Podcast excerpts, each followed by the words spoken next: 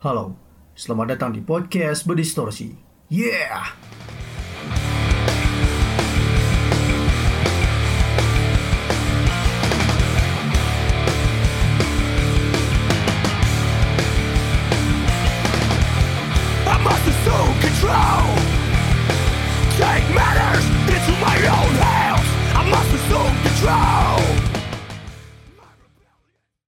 Oke, bertemu lagi bersama saya Gali dan berjumpa lagi kita di podcast ini. Haha. ya, kita hari ini sedang menjalankan ibadah puasa Ramadan ya gitu. Dan masih keadaan ya belum stabil-stabil banget lah gitu. Atau cenderung masih parah gitu ya. Karena wabah covid ini masih belum benar-benar hilang di Indonesia gitu. Jadi ya gimana ya? Ya gini lah gitu. Kita sekarang menjalankan ibadah puasa tuh dengan keadaan yang berbeda gitu dibandingkan tahun-tahun sebelumnya gitu. Yang mana mungkin ya frekuensi berkumpul dengan teman-teman tuh berkurang banget ya gitu. Karena kita nggak bisa buka bersama. Ya pokoknya puasa ya bulan puasa sekarang tuh puasa yang benar ya gimana ya spesial banget lah spesial dengan perbedaannya gitu yang drastis sekali gitu. Dan nggak disangka-sangka juga gitu karena nggak nyangka aja kita puasa dengan keadaan seperti ini gitu. Tapi saya berharap sih semoga tidak akan menjauh apa tidak akan membuat kalian menjadi lemah gitu dalam beraktivitas. Oh iya dan sebelumnya mohon maaf sekali bagi yang mungkin menunggu episode baru dari podcast ini. Saya baru menyempatkan hari ini gitu untuk update lagi karena ya hampir sebulan lebih ya saya nggak update gitu kemarin-kemarin tuh ya karena saya sebagai seorang mahasiswa dan juga sebagai mahasiswa yang sedang menyusun tugas akhir jadi kemarin tuh bahasa Sunda ya lagi paciwuh gitu. Lagi rudet. Lagi rariwuh gitu karena apa ya karena ya saya harus nyusun skripsi dengan keadaan seperti ini yang bimbingannya susah gitu karena harus online terus dan ditambah ya kuliah dengan ujian tengah semester kemarin tuh ya daring semua gitu rata-rata jadi emang gimana ya sulit juga gitu. Dan gak ada waktu juga saya buat update episode baru gitu. Jadi baru sekarang sih saya sempatnya gitu menyempatkan untuk ya memberikan episode baru pada podcast berdistorsi ini. Hehe. Ya menemani kalian kali ini saya akan memberikan sebuah apa ya eh sebuah playlist gitu. Jadi mungkin hari ini saya nggak ada bahasan-bahasan khusus gitu ya tentang masalah musik gitu. Mau bahas band atau apa gitu. Tapi saya sekarang ingin apa ya ingin sharing gitu. Jadi lagi musim nih gitu di apa ya di sosmed tuh. Para musisi atau mungkin para penikmat musik yang sharing tentang playlist playlist yang direkomendasikan untuk didengarkan gitu selama masa karan ya kuarantin inilah bahasa gaulnya gitu. Atau masa-masa masih PSBB ini jadi saya juga sebenarnya punya gitu. Punya playlist untuk kalian yang mendengarkan ini gitu. Yang mendengarkan podcast ini saya juga sudah membuat rangkumannya gitu. Karena nggak main-main juga sih selama dua bulan juga. Ya meskipun saya gak update itu tapi saya juga banyak mendengarkan album-album musik juga.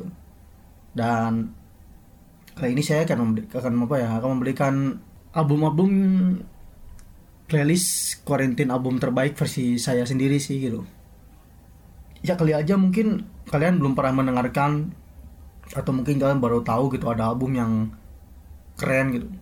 Ya album-album yang saya pilih ini tuh album-album yang emang benar-benar saya dengarkan selama sebulan kebelakangan gitu. Sebulan ke belakang emang saya dengarkan terus gitu album-album ini tuh. Jadi ya bisa dibilang album yang saya share ini adalah album-album yang selalu saya dengarkan selama satu bulan terakhir ini gitu emang benar-benar purely saya dengarkan terus dan emang album ini yang menemani saya gitu selama bulan-bulan kemarin gitu. Beberapa mungkin genrenya mungkin nggak sel- selamanya genre-genre tentang musik keras juga ya semuanya. Mungkin ada yang berbeda genre juga gitu. Pokoknya ada sih yang berbeda sih di playlist yang saya buat ini gitu. Playlist album yang saya rekomendasikan untuk kalian dengarkan gitu. Hehe oke. Jadi tanpa basa-basi lagi saya akan memberikan intermezzo eh langsung aja ya pembukaan aja gitu jadi selama satu bulan kemarin tuh ya berapa bulan kemarin tuh saya ngedengerin apa aja sih gitu oke yang pertama saya mengenalkan albumnya The Jimi Hendrix Experience yang album X is Bold as Love yang dirilis di tahun 1967. Oh, Jimi Hendrix man, dewa gitar, gitar gods. Kalau tidak ada Jimi Hendrix, musik rock tidak akan sekeren sekarang gitu. Ya, kenapa? Yang pertama saya mendengar album Jimi Hendrix karena berawal dari kekepoan saya sih tentang lagu-lagunya Jimi Hendrix gitu. Awalnya saya ngedengerin albumnya nggak ngomongin album ngedengerin lagunya tuh cuma yang lagu-lagu mainstreamnya gitu kayak mungkin lagunya Foxy Lady, Hey Joe atau Purple Haze gitu.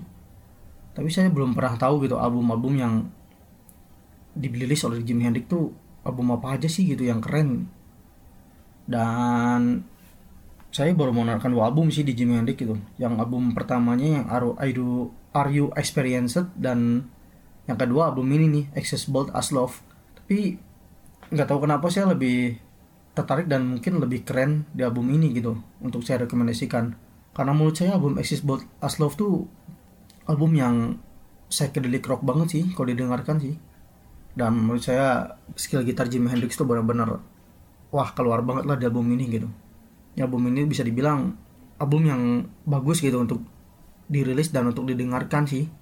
Semua lagu-lagu di album ini tuh tidak ada yang jelek sih menurut saya. Meskipun mungkin bagi saya yang emang nggak terlalu suka dengan psychedelic mungkin ada sedikit kesulitan untuk menikmatinya gitu. Beberapa tracknya mungkin ada yang gimana ya mungkin ada yang aneh gitu dengarnya. Tapi tetap sih saya enjoy enjoy aja sih mendengarkan album Jimi Hendrix ini. Yang paling saya suka tuh di album ini yang judulnya yang pertama yaitu Spanish Castle Magic. Ini lagu keren nih.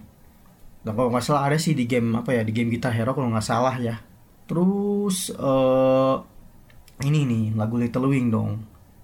Ini lagu yang cukup populer sih. Selain lagu Jimi Hendrix tuh selain lagu Voodoo Child atau Purple Haze lagu ini juga cukup populer sih dan banyak orang yang tahu juga. Dan juga yang satu lagi yang saya suka di album ini tuh lagunya yaitu Ain't No Telling. Itu sih tiga lagu yang menurut saya enak gitu untuk didengarkan sih di album ini yang paling menonjol menurut saya ya gitu. Tapi kalau kalian mungkin punya perspektif lain dan mungkin kalian punya kesukaan lain ya itu nggak masalah sih. Karena setiap orang mungkin punya titik enaknya masing-masing di setiap album tuh. Titik lagu yang mungkin, mungkin menurut dia tuh wah ini nih enak nih gitu oh ini ini gitu. Matching nih gitu. Ya amazing ya menurut saya cukup amazing sih album ini sih. Cukup keren gitu untuk didengarkan. Apalagi Jimi Hendrix doi. Siapa sih yang gak tahu Jimi Hendrix itu di era sekarang? Meskipun dia mati muda gitu umur 27 tahun. Coba kalau sampai sekarang dia masih hidup mungkin kita bisa menikmati karya-karyanya lebih jauh lagi gitu. Oke, setelah album Jimi Hendrix saya menakan albumnya. Yang selanjutnya yaitu album This Candence yang judulnya Milo Goes to College. Wah, kita beralih ke genre punk rock nih sekarang. Bisa dibilang album Descendants yang pertama ini ya kalau nggak disebut punk rock, hardcore punk juga ada gitu. Pop punknya juga ada gitu. Tapi mereka tuh lebih di apa ya, lebih di apa ya, lebih dilabelkan mereka tuh band ini, band pop punk sih. Tapi bukan pop punk yang kayak Blink atau Green Day atau kayak NoFX kayak gitu. Pop punk mereka tuh pop punk yang lebih ke hardcore punk sih dan saya suka sih sama album ini gitu. Saya tahu album ini tuh dari Spotify sih bisa dibilang awalnya. Tapi nggak juga sih. Selain dari Spotify juga saya baca-baca juga sih rekomendasi band-band hardcore punk yang keren gitu. Salah satunya ada band ini gitu Descendants meskipun bisa dibilang band ini emang segenerasi dengan band-band hardcore punk seperti Black Flag, Monday dan band-band yang lain. Tapi mereka tuh mengusung tema yang berbeda gitu dari genre-genre hardcore punk yang lainnya gitu. Mereka tuh lebih apa ya? Lebih nerdy gitu lebih cupu gitu musiknya tuh. Lebih mengangkat tema-tema cupu nerdy dan tema-tema makanan gitu. Yang tema-tema yang bisa dibilang daerah itu nggak lazim untuk dibicarakan di ranah hardcore punk gitu.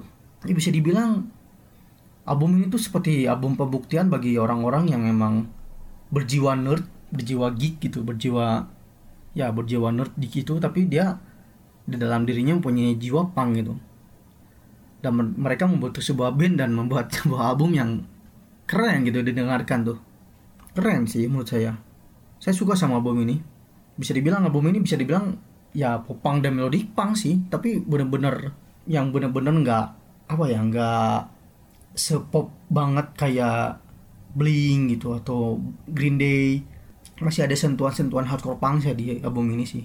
Dan album ini menurut saya sangat keren sekali untuk kalian dengarkan. Sangat rekomendasi sekali bagi kalian yang memang suka musik hardcore punk dan mungkin kalian belum pernah tahu gitu dengan dengan band Descendants ini gitu. Ini band emang generasi kok sama Black Flag bener. Dari mereka album ini aja rilis tahun 82 gitu. Jadi mungkin bagi kalian yang penyuka lagu-lagu hardcore punk atau punk rock old school mungkin kalian sangat enak nih untuk dengarkan gitu karena ini album yang sangat keren dan bisa dibilang band Descendants ini band panutan-panutan para band-band popang gitu. Sampai sekarang sih selain Bad Religion juga Descendants juga yang sebagai panutan-panutan bagi genre-genre popang atau melodic punk atau skate punk gitu. Ya selanjutnya ada apa lagi nih? Ya yang selanjutnya saya mempunyai albumnya Black Sabbath yang berjudul Heaven and Hell yang dirilis di tahun 1980. Oh, kita beralih ke heavy metal sekarang. Ya, album Black Sabbath ini adalah album yang bisa dibilang album yang sangat berbeda di nuansanya gitu dari album-album yang sebelumnya gitu. Kenapa menurut saya ber, ya saya bisa bilang album ini nuansanya berbeda sekali? Karena yang pertama vokalisnya itu ganti di era ini tuh. Jadi ya mungkin kalian yang taunya Black Sabbath dengan era Ozzy Osbourne mungkin kalian nggak tahu gitu kalau di tahun 70-an akhir tuh tahun 79 80 tuh si si Ozzy itu keluar dari Black Sabbath gitu. Sebenarnya sih saya kurang tahu sih penyebab keluarnya gara-gara apa gitu.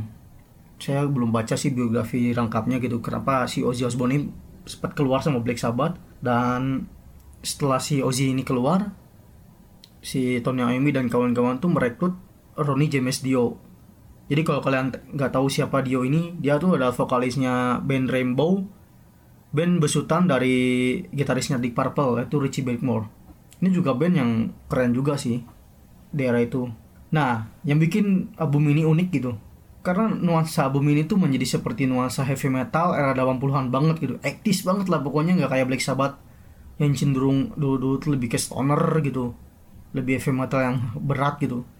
Tapi di album yang ini mereka jadi lebih heavy metalnya menurut saya ya seperti Judas Priest atau Iron Maiden gitu.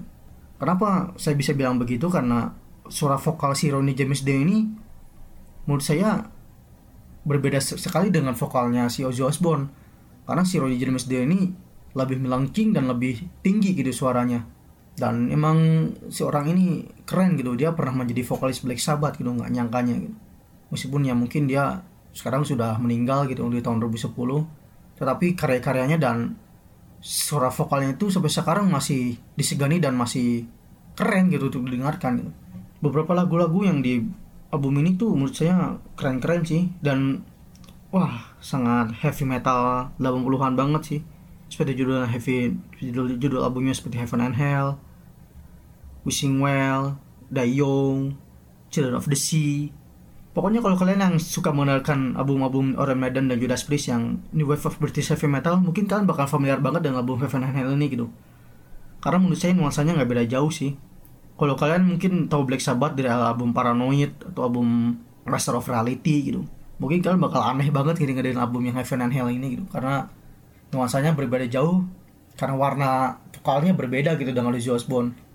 Berbeda sekali sih karena Rodney James Dio tuh menurut saya vokalnya sama seperti Bruce Dickinson yang lebih ya lebih melengking lebih tinggi gitu. Ozzy Osbourne kan nggak bisa kayak gitu. Ozzy Osbourne tuh lebih gimana ya? Oh, beda lah pokoknya Ozzy, Ozzy, Osbourne tuh punya ciri khas tersendiri gitu di vokalnya. Oke. Nah selanjutnya saya juga mengenalkan albumnya Earth Crisis itu Forever True yang dirilis tahun 2001 ya sebenarnya album ini tuh album kompilasi gitu, yang the bestnya dari Earth Crisis gitu. Jadi di tahun dari tahun 90 berapa ya? 95 gitu atau 90 berapa gitu sampai 2001 gitu. Oh iya, kalau kalian belum tahu band Earth Crisis nih, ini adalah band hardcore. Hardcore strike egg militan. Oh. Kenapa strike egg militan? Karena mereka tuh penganut apa? Penganut gaya hidup strike egg yang benar-benar garis keras gitu Ya mungkin kalau kalian pernah mendengarkan podcast saya yang episode sebelumnya tentang membahas tentang gaya hidup strike egg, lifestyle strike egg gitu. Kalian mungkin pernah mengetahui ya pernah mendengar gitu kalau di era 90-an tuh ada gerakan strike egg militan gitu.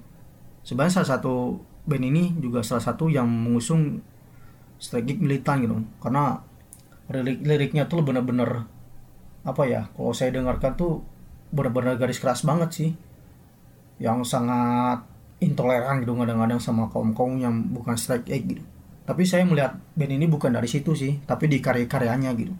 Meskipun saya sendiri juga sebagai yang mengikuti gaya hidup strike egg tapi saya tidak seperti mereka sih yang harus memaksakan kehendak kepada orang-orang kalau harus menjadi strike egg harus menjadi vegan harus gimana gitu. Enggak sih kalau saya sih biasa-biasa aja sih. Tapi yang saya suka dari Ekrisis tuh karena apa karena mereka tuh yang mengenalkan musik hardcore karena yang lebih jauh lagi gitu kalau kalian dengarkan Ekrisis tuh mungkin kalian bakal familiar dengan sound-sound heavy gitu sound-sound metal-metal era 90-an gitu ya jauh-jauh kalian kalau pernah dengar lagunya apa Headbreed atau kalau di Bandung band Outright Outright gitu ya Outright tau kan Outright nah nuansanya tuh mirip-mirip kayak gitu gitu jadi yang hardcore itu yang lebih jing jing jing jing jing jing jing jing jing jing gitu lebih lebih ngejeng-jeng lah lebih heavy gitu picking gitarnya juga nggak kayak old school heavy apa nggak kayak old school hardcore yang mainnya lebih cepat gitu. Mereka temponya lebih banyak breakdown sih lebih banyak ya banyak breakdown dan banyak beat down beat downnya gitu. Jadi sangat enak buat headbanging sih lagu-lagunya sih menurut saya. Dan album ini menurut saya cukup keren untuk saya dengarkan gitu. Saya juga tahu band ini juga dari artikel-artikel yang saya baca sih. Salah satunya ada band ini gitu yang mengusung straight edge hardcore tapi mungkin berbeda dengan pendahulu pendahulu pendahulunya gitu.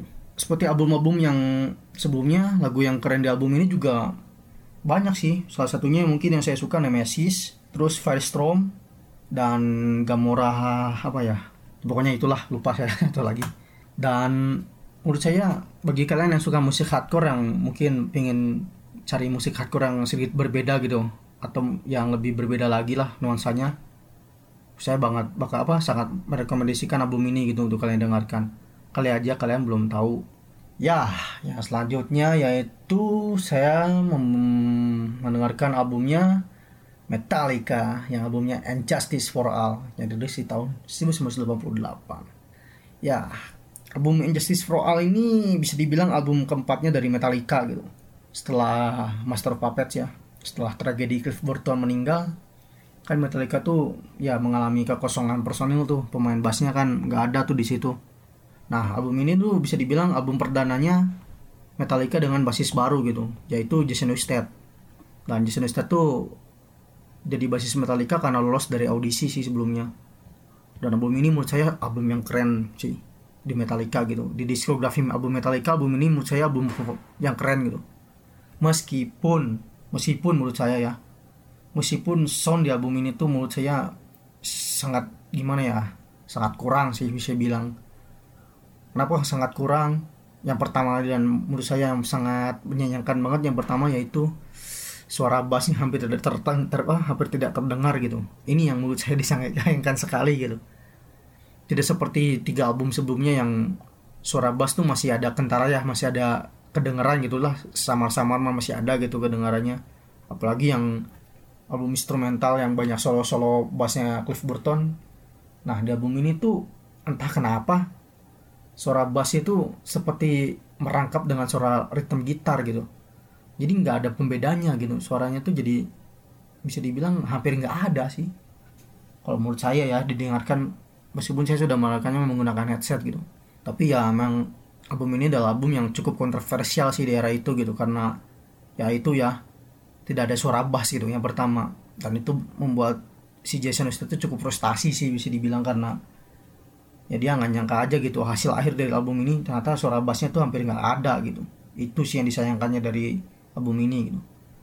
Selain itu juga emang sound drum juga lebih tipis gitu. Cenderung bunyinya tuh berderat banget gitu. Jadi lebih tipis kayak album demo lah kedengerannya gitu.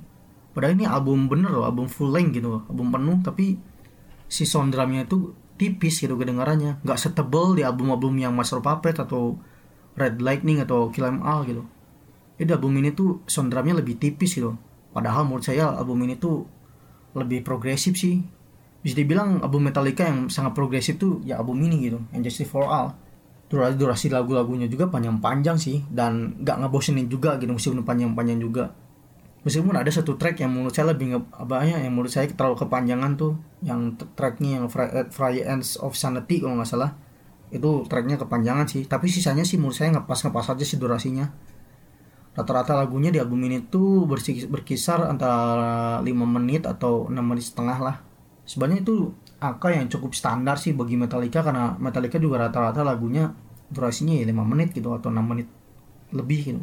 Tapi yang saya sangat sangat suka di album ini apa kalau kalian pengen tahu yaitu suara vokalnya James Hetfield tuh benar-benar mateng gitu di album ini tuh. Teriakannya dan vokalnya itu sangat lantang sekali dan sangat menggeram sekali sih di album ini sih. Dan banyak yang setuju gitu kalau era 88 sampai ke era 93 tuh era terbaiknya dari James Hetfield gitu. Dalam segi vokalnya gitu ya suara vokalnya tuh lebih bagus gitu dibandingkan tahun-tahun sebelumnya dan tahun-tahun sesudah tahun 93 gitu dan saya akui itu gitu. Karena saya juga suka dengan era ini gitu era 88 ini gitu. Vokal James Hetfield tuh bener-bener ngebas tapi yang bener-bener wah pokoknya eh, keren banget lah gitu. Dan kalau kalian dengarkan album ini kalian serasa pengen balik lagi ke tahun 88 gitu. Karena album ini sangat keren dan nuansanya 88 banget gitu. Dan di album ini juga Metallica Metallica juga mengeluarkan video klip perdana gitu ya. Yang berjudul One ya, mungkin kalian pernah dengar juga. Video klipnya juga pernah mungkin pernah lihat juga di YouTube. Itu tuh bisa dibilang video klip pertama Metallica gitu karena dulu dulu tuh mereka sangat anti dengan video klip gitu awalnya tuh. Adalah saya pernah nonton di tahun dia wawancara tahun 85 gitu kalau nggak salah. Si Lars tuh pernah ngomong kalau mereka tuh nggak bakal bikin video klip gitu sebenarnya bikin band tuh. Mereka pengen di jalur independen aja. Tapi mungkin album ini mungkin ada pengecualian mereka pengen bikin video klip. Meskipun video klipnya nggak alay sih menurut saya keren sih mereka melawan batasan apa ya melawan batasan video klip metal gitu yang notabene di era itu tuh 88 80-an tuh didominasi oleh video klip video klip dari glam metal yang lebih menor gitu musik-musiknya dan dandanannya gitu. Tapi mereka tuh lebih laki banget sih bisa dibilang gitu. Kalau kalian lihat tuh pasti merasa keren lah. Ya meskipun Metallica tidak segarang dulu gitu tapi saya sampai sekarang masih tetap respect sama band ini gitu. Dan selamanya mereka bakal selalu dihormati sih sama para musisi metal. Karena mereka membuat album yang sangat keren gitu. Dan lagu-lagu yang ada di album ini yang paling saya suka sih hampir semuanya sih bisa dibilang. Hampir semuanya saya suka sih. Dari track pertamanya yang Blacken sampai track terakhirnya yang Dice F itu semuanya bagus sih menurut saya. Materi di album ini tuh menurut saya keren banget. Dan saya sama temen saya juga sangat menyukai album ini gitu ya mungkin yang saya sayangkan karena soundnya yang mungkin kurang maksimal dan ya itu sound bassnya itu nggak ada gitu itu doang sih. Yang sangat saya sayangkan doang sih. Padahal kalau pemainnya soundnya lebih bagus dikit wah ini pasti album yang paling keren dan paling laku sih menurut saya dibandingkan album yang lain gitu. Gitu sih. Oke yang selanjutnya yaitu albumnya Pink Floyd yang judulnya Wish You Were Here. Yang dirilis di tahun 1975 ya bagi kalian yang suka musik-musik psychedelic rock juga mungkin kalian pernah denger lah band ini dan mungkin nggak familiar juga gitu. Sangat apa ya sangat ya mungkin banyak orang banget yang tahu gitu lah tentang band ini gitu. Sampai merchandise juga banyak gitu.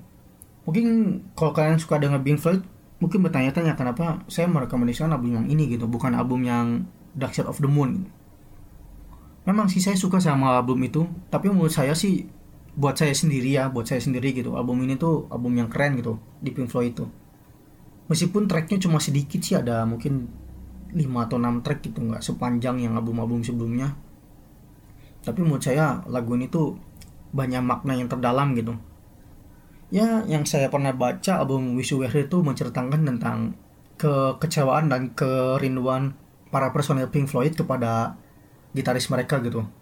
Yang sebelumnya ya di era awalnya gitu yaitu si Sid Barrett. Mungkin kalau kalian yang fans garis fans garis kerasnya Pink Floyd mungkin kalian tahulah siapa dia gitu. Mungkin kalau kalian kalian pernah dengar album pertamanya mungkin kalian suka banget sama si orang ini gitu karena dia membuat musiknya sangat jenius gitu di eranya. Kenapa dia nggak di Pink Floyd lagi? Jadi di era itu tuh 70-an atau 60-an akhir tuh karena dia menggunakan drugs sebagai bahan bakar utama dalam dia membuat sebuah karya dia tuh menjadi kebablasan gitu. Jadi para personil Floyd itu nggak bisa ngontrol si Sid Barrett ini gitu karena ujung-ujungnya dia tuh jadi apa ya jadi hancur gitu performnya gitu. Dia pernah dalam satu kali tuh dia nggak main gitar cuma diam liatin penonton doang gitu. Saking dia udah ngefly-nya gitu ya. Di panggung dia nggak main gitar cuma duduk ngeliatin penonton doang gitu. Yang harusnya dia main dia nggak main gitu karena ya udah saking ngefly-nya lah gimana lah orang lagi ngefly sama LSD gitu sama drugs gitu. Kayak gitu gitu. Ya mau nggak mau ya si personil Pink Floyd yang lain ya kayak si Roger Waters si David Gilmour ya harus memecat dia gitu. Karena ya demi kelangsungan band juga gitu. Dan gak nyangkanya ya album Decade setelah si Sid Barrett keluar tuh Pink Floyd menjadi booming gitu dengan album Dark Side of the Moon itu. Dan album ini tuh bisa kalau nggak salah dirilisnya setelah album Dark Side of the Moon sih.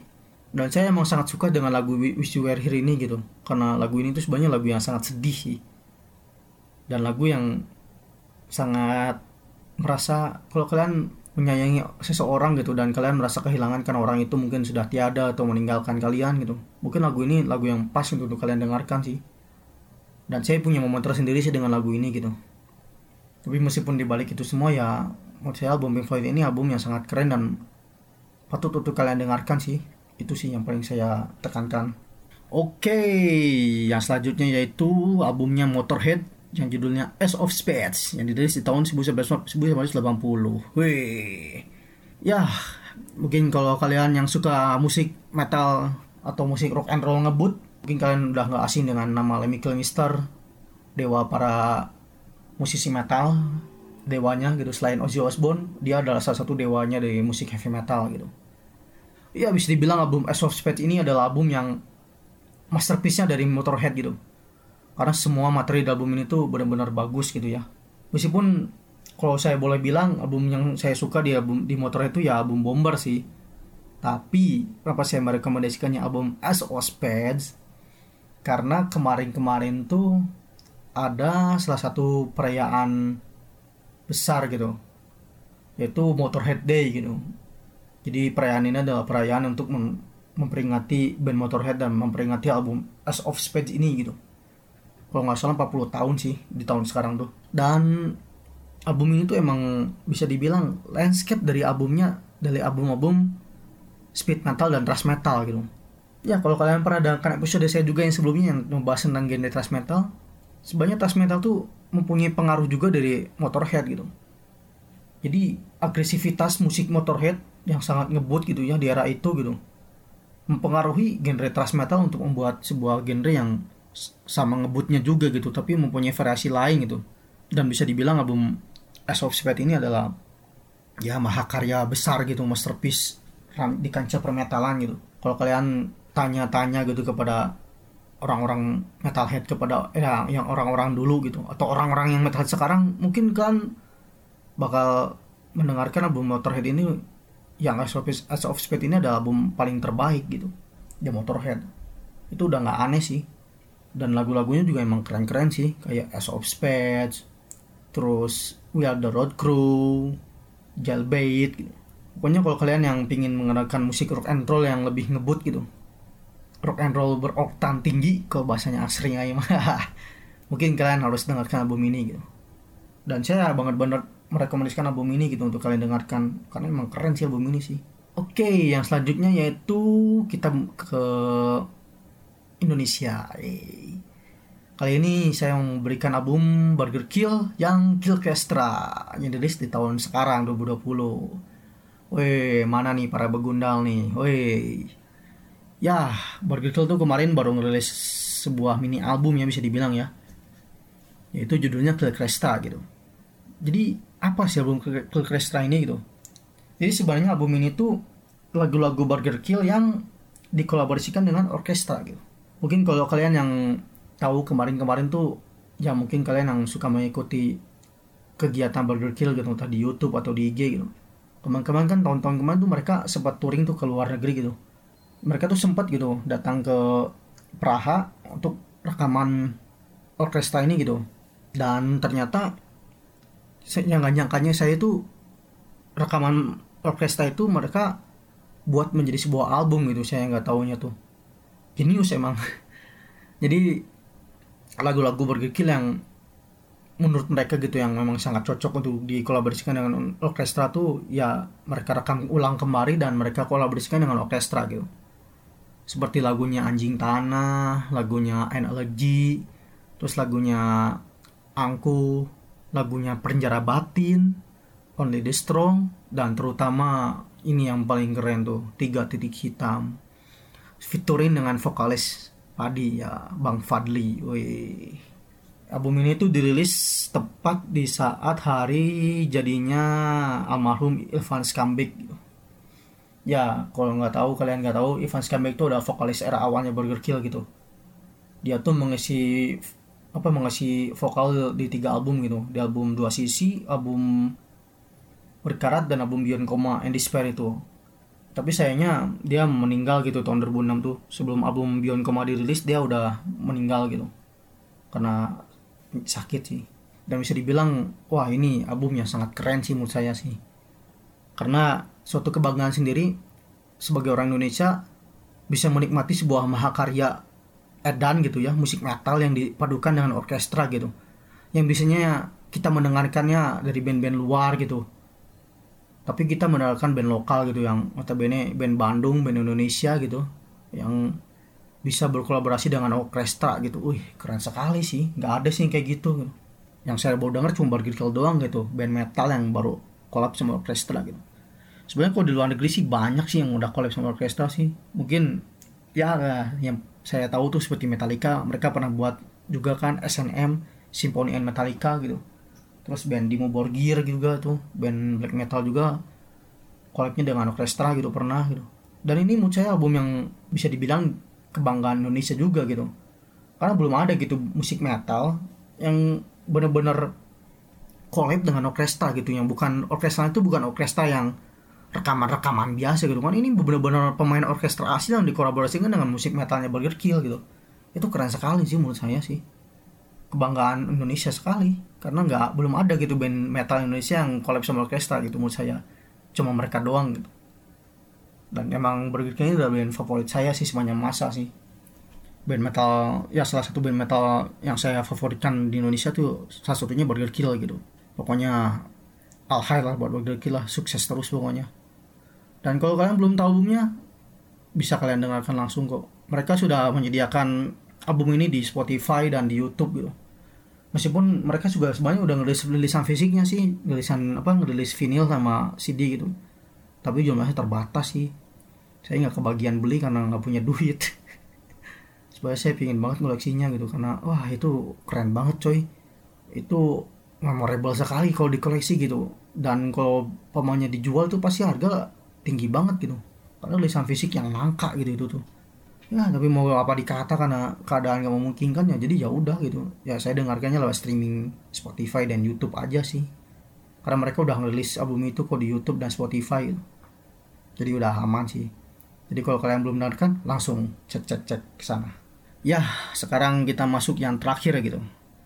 Yang terakhir ini yang paling unik di antara semuanya itu saya rekomendasikan albumnya dari band Tokyo Ska Paradise Orchestra yang judulnya Tokyo Ska Treasures yang dirilis tahun sekarang juga sih sebenarnya. Ya, bagi kalian yang suka musik ska, mungkin kalian pernah mendengar album ini gitu. Eh, ya album atau band ini gitu. Jadi band ini tuh band ska dari Jepang gitu ya yang sangat populer gitu di Jepang. Meskipun yang saya tahu di Jepang tuh selain Tokyo Ska tuh Kemuri, tapi saya belum terlalu tahu sih sama Kemuri, jadi saya lebih condongnya dulu ngedengerinnya Tokyo Ska sih terus awal mula saya kenal band ini karena dulu-dulu tuh zaman saya sekolah SMA tuh lagi booming boomingnya scan ska gitu ya dulu tuh. Jadi selain scannya melodic punk hardcore yang lain-lain tuh dulu scan ska tuh lagi naik-naiknya tuh di era 2012 2011 tuh. Era-era segitulah waktu saya masih SMA kelas 1 kelas 2 tuh. Ska tuh lagi naik-naiknya banget tuh. Ska dan reggae itu lagi hype gitu di kalangan anak muda dulu tuh ya mungkin band-band lokal Indonesia yang saya tahu dulu yang ska tuh ya Don Lego, Skamigo, The Pups, ya kayak gitulah pokoknya. Nah, dulu tuh saya dikasih playlist nih sama teman saya nih, band-band dan lagu-lagu yang ska gitu ya, band-band ska lah terus maksudnya. dan saya tuh tertarik sama band ini gitu ini kok bandnya beda ya karena mereka tuh yang beda tuh dulu mereka ngover lagunya ini soundtrack film Godfather kalau kalian tahu tuh yang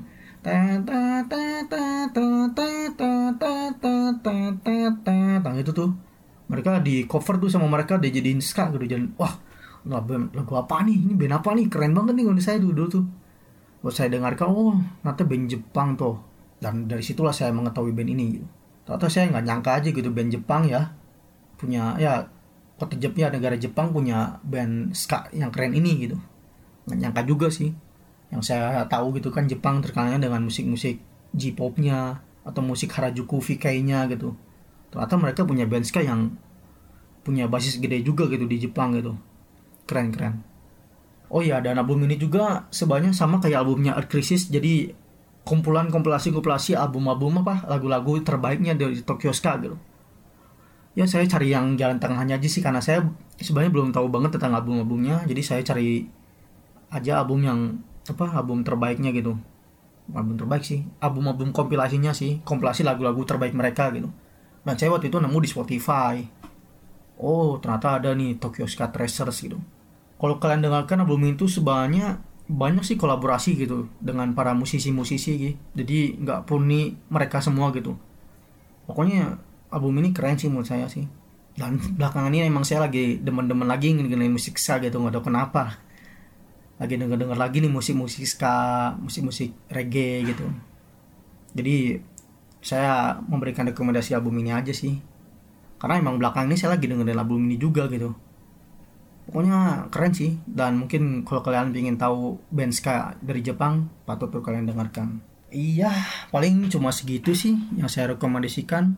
Kurang lebih itu ada 9 playlist album yang saya rekomendasikan untuk kalian dengarkan gitu di masa-masa kuarantin ini gitu ya. Kali aja mungkin kalian lagi bete gitu ya lagi apa lagi bingung nih pengen dengan album apa ya bosen nih ini dulu ini mulu ini mulu. Ya mungkin saya bisa membantu kalian gitu yang lagi mencari playlist playlist album album baru nih pengen cari yang baru nih ya mungkin kalian bisa dapat dari podcast saya ini gitu. Ya saya cuma pengen sekedar sering aja sih tentang album ini gitu yang saya rekomendasikan untuk kalian dengarkan gitu di masa-masa quarantine ini gitu.